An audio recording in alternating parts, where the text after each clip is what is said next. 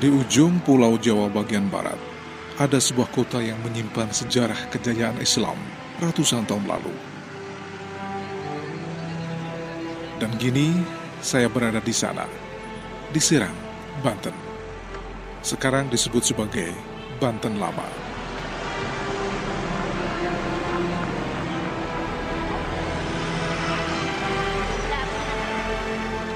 Untuk menuju ke kota tua Banten Lama, saya naik bus dari Jakarta. Jaraknya tak terlalu jauh, hanya sekitar dua jam perjalanan dari terminal bus Kalideres, Jakarta. Di sini saya bertemu dengan reporter radio dari Ternate, Nur Azizah dan Siti Atika, yang ternyata tujuannya sama, yakni meliput sejarah kota tua Banten Lama. Untuk liputan pertama, kami sepakat menuju ke situs Benteng Suroswal.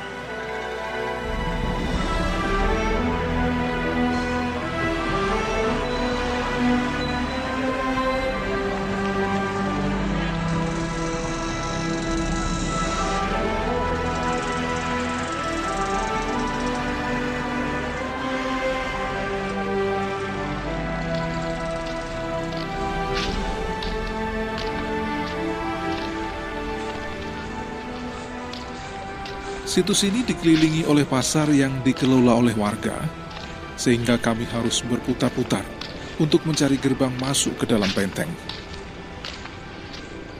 Sesaat kemudian, saya melihat bangunan megah sisa peninggalan kerajaan Banten.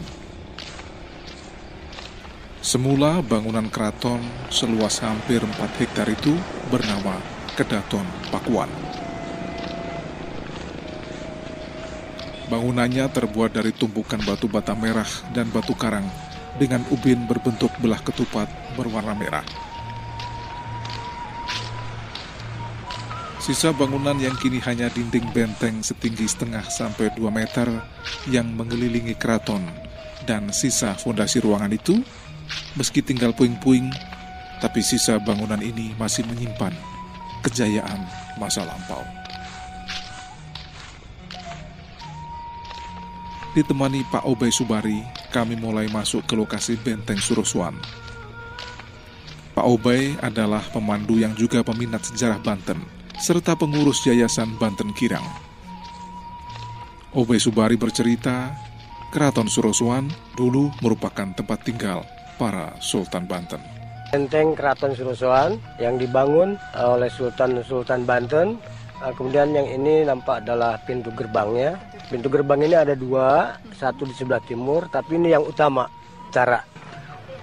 Ini luasnya 3,8 hektar. Itu luas benteng dan keraton. Nah itu berawal dari sini sampai ke ujung hampir tengah-tengah keraton itu. Itu Siti Hinggil Batu Rata. Tempat di mana Sultan duduk di singgah sana sambil melakukan aktivitasnya sebagai seorang sultan. Keraton ini yang dibangun berbarengan dengan Masjid Agung Banten. Itu Sultan Maulana Hasanuddin pada tahun 1556 itu. Awalnya memang keraton ini tidak berbenteng. Hanya sebatas di pagari dengan kayu-kayu dolken, kayu gelondong gitu. Kemudian pada masa Kesultanan Banten dipimpin oleh Yusuf, Sultan kedua, itu sudah ada mengenal tata cara pemasangan batu bata. Nah, untuk itu pagar tadi diganti dengan pasangan batu bata. Kemudian pada masa di mana Banten diperintah oleh Sultan ke-6, Sultan Ageng Tirtayasa, nah itu sudah ada attack dengan pihak luar. Nah, untuk itu beliau mempertebal tembok tadi dijadikan sebuah benteng. Menurut Obay Subari, dulu situs ini tertutup gundukan tanah, hingga kemudian mulai digali dan dibugar kembali sekitar tahun 1970-an dan perlahan-lahan tampak sisa-sisa reruntuhan keraton Surosoan.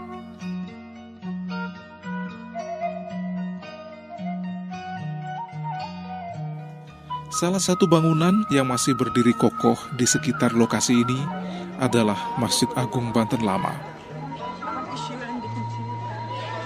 Masjid inilah yang paling terkenal di situs Banten Lama, bahkan selalu penuh oleh para peziarah, terutama pada peringatan hari-hari besar Islam. Ribuan peziarah di Kompleks Masjid Agung Banten Lama selalu menjadi pemandangan yang sangat biasa. Masjid ini lebih kecil dari Masjid Agung Surakarta atau Yogyakarta. Di komplek Masjid Agung Banten Lama ini, tepatnya di sebelah utara, terdapat komplek pemakaman yang ramai oleh peziarah. Yang cukup menarik dari Masjid Banten ini adalah atapnya yang bertumpuk lima. Beda dengan Masjid Jawa yang biasanya hanya bertumpuk tiga. Hal itu dimungkinkan karena pengaruh arsitektur Cina. Sebab salah satu arsitek pembangunan masjid ini adalah Cek Bancut atau Pangeran Adiguna.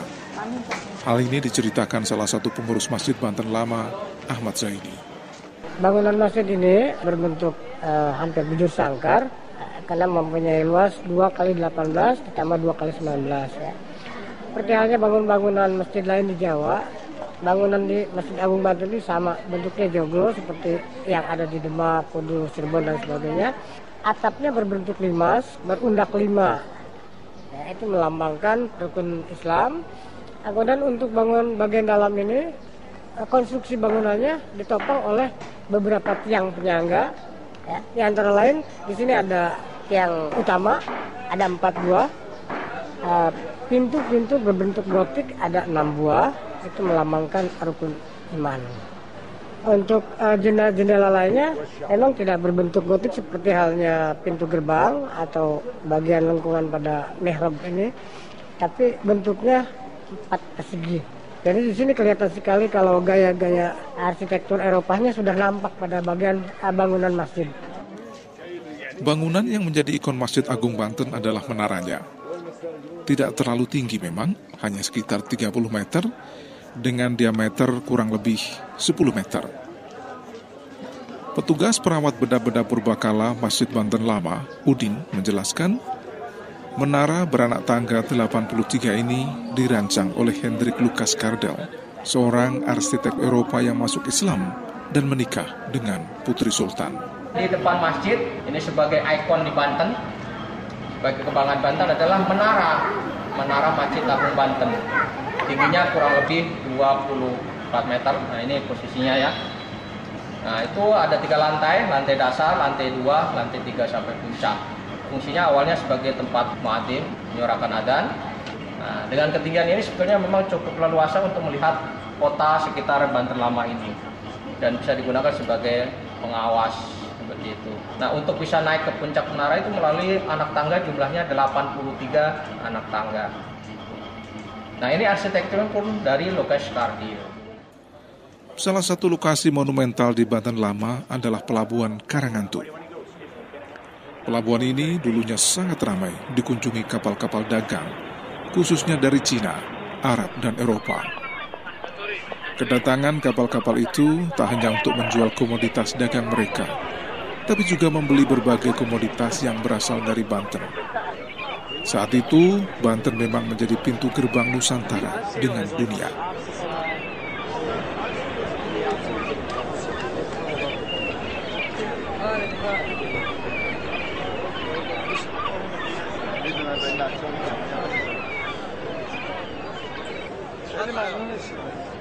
Peminat sejarah Obe Subari bercerita Kesultanan Banten adalah kota metropolitan yang luasnya hampir sama dengan Amsterdam. Di pelabuhan Karangantu inilah dulunya kegiatan dagang berlangsung. Ini yang disebut Bandar Banten dulu dari sejak zaman masih merupakan bandar kedua setelah Sunda Kalapa di Kerajaan Pajajaran, juga merupakan pasar Banten dan sekarang namanya berubah menjadi Pasar Karangantu. Ya. Nah, itu sejak adanya pendudukan Belanda di Banten khususnya ya di Indonesia umumnya.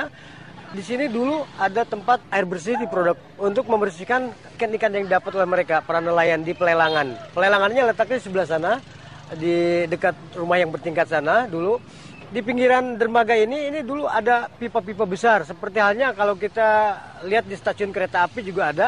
Nah, itu tempat di mana air bersih didapat untuk mereka kapal-kapal yang mau berlayar ulang ke luar pelabuhan Banten itu minta bekal untuk di jalan. Itu dari dari kran halte tadi. Nah karena orang sini agak susah menyebut kran halte sehingga timbullah nama Karangan itu sampai sekarang. Nanti think that sail is like on the opposite side.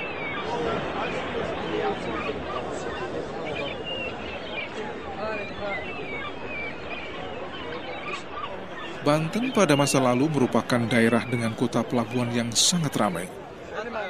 Banten dikenal dalam peta masyarakat dunia. Berbagai sumber asing menyebutkan Banten yang saat itu dikenal dengan sebutan Bantam merupakan daerah yang menjadi rute pelayaran para pedagang dunia. Berbagai catatan kuno selalu menyebut Banten sebagai kerajaan dan pelabuhan besar yang sangat terkenal. Misalnya sumber Cina yang berjudul Sung Peng Xiang Sung yang ditulis tahun 1430. Banten yang berada di jalur perdagangan internasional berinteraksi dengan dunia luar sejak awal abad Masehi. Kemungkinan pada abad ke-7, Banten sudah menjadi pelabuhan internasional, sehingga agama Islam diyakini telah masuk dan beralkulturasi dengan budaya setempat, sebagaimana diceritakan dalam berita Tome Pires pada tahun 1513.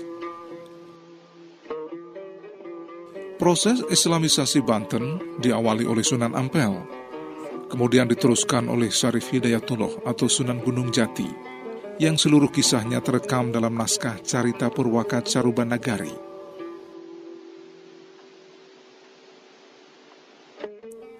Maulana Hasanuddin sebagai Sultan Banten pertama berkuasa tahun 1552 hingga 1570. Pasca wafatnya Maulana Hasanuddin, pemerintahan dilanjutkan oleh Maulana Yusuf. Kemudian berturut-turut digantikan oleh Maulana Muhammad, Sultan Abu Al-Mufakir Mahmud Abdul Qadir, dan Sultan Abu Al-Ma'ali Ahmad. Kesultanan Banten mencapai puncak kejayaan di masa pemerintahan Sultan Ageng Tirtayasa yang berkuasa tahun 1651 sampai 1682.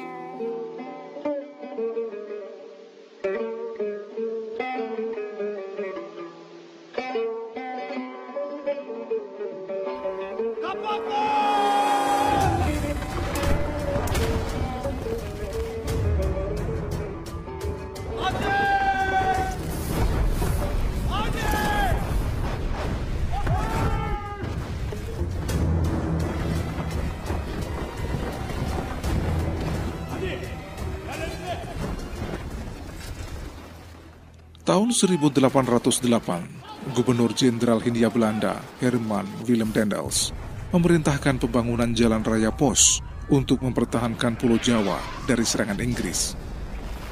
Dendels memerintahkan Sultan Banten, yakni Sultan Abdul Nasar Muhammad Iska Zainul Mutahin, untuk memindahkan ibu kotanya ke Anyar dan menyediakan tenaga kerja untuk membangun pelabuhan yang direncanakan akan dibangun di ujung kulon.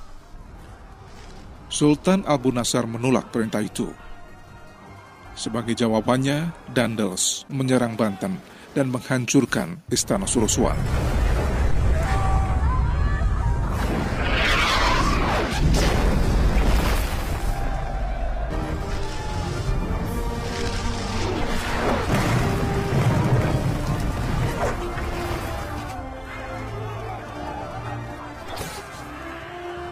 Sultan beserta keluarganya lalu disekap di Istana Surosuan, kemudian dipenjara di Benteng Spelwick. Sultan Abul Nasar kemudian diasingkan dan dibuang ke Batavia. Tanggal 22 November 1808, Dandels selalu mengumumkan dari markasnya diserang bahwa wilayah Kesultanan Banten telah diserap ke dalam wilayah Hindia Belanda. Kesultanan Banten resmi dihapuskan tahun 1813 oleh pemerintah kolonial Inggris. Pada saat yang sama, Sultan Muhammad bin Muhammad Muhyiddin Zainus Solihin dipaksa turun takhta oleh Thomas Stamford Raffles. Peristiwa itu merupakan pukulan pamungkas yang mengakhiri sejarah besar Kesultanan Banten.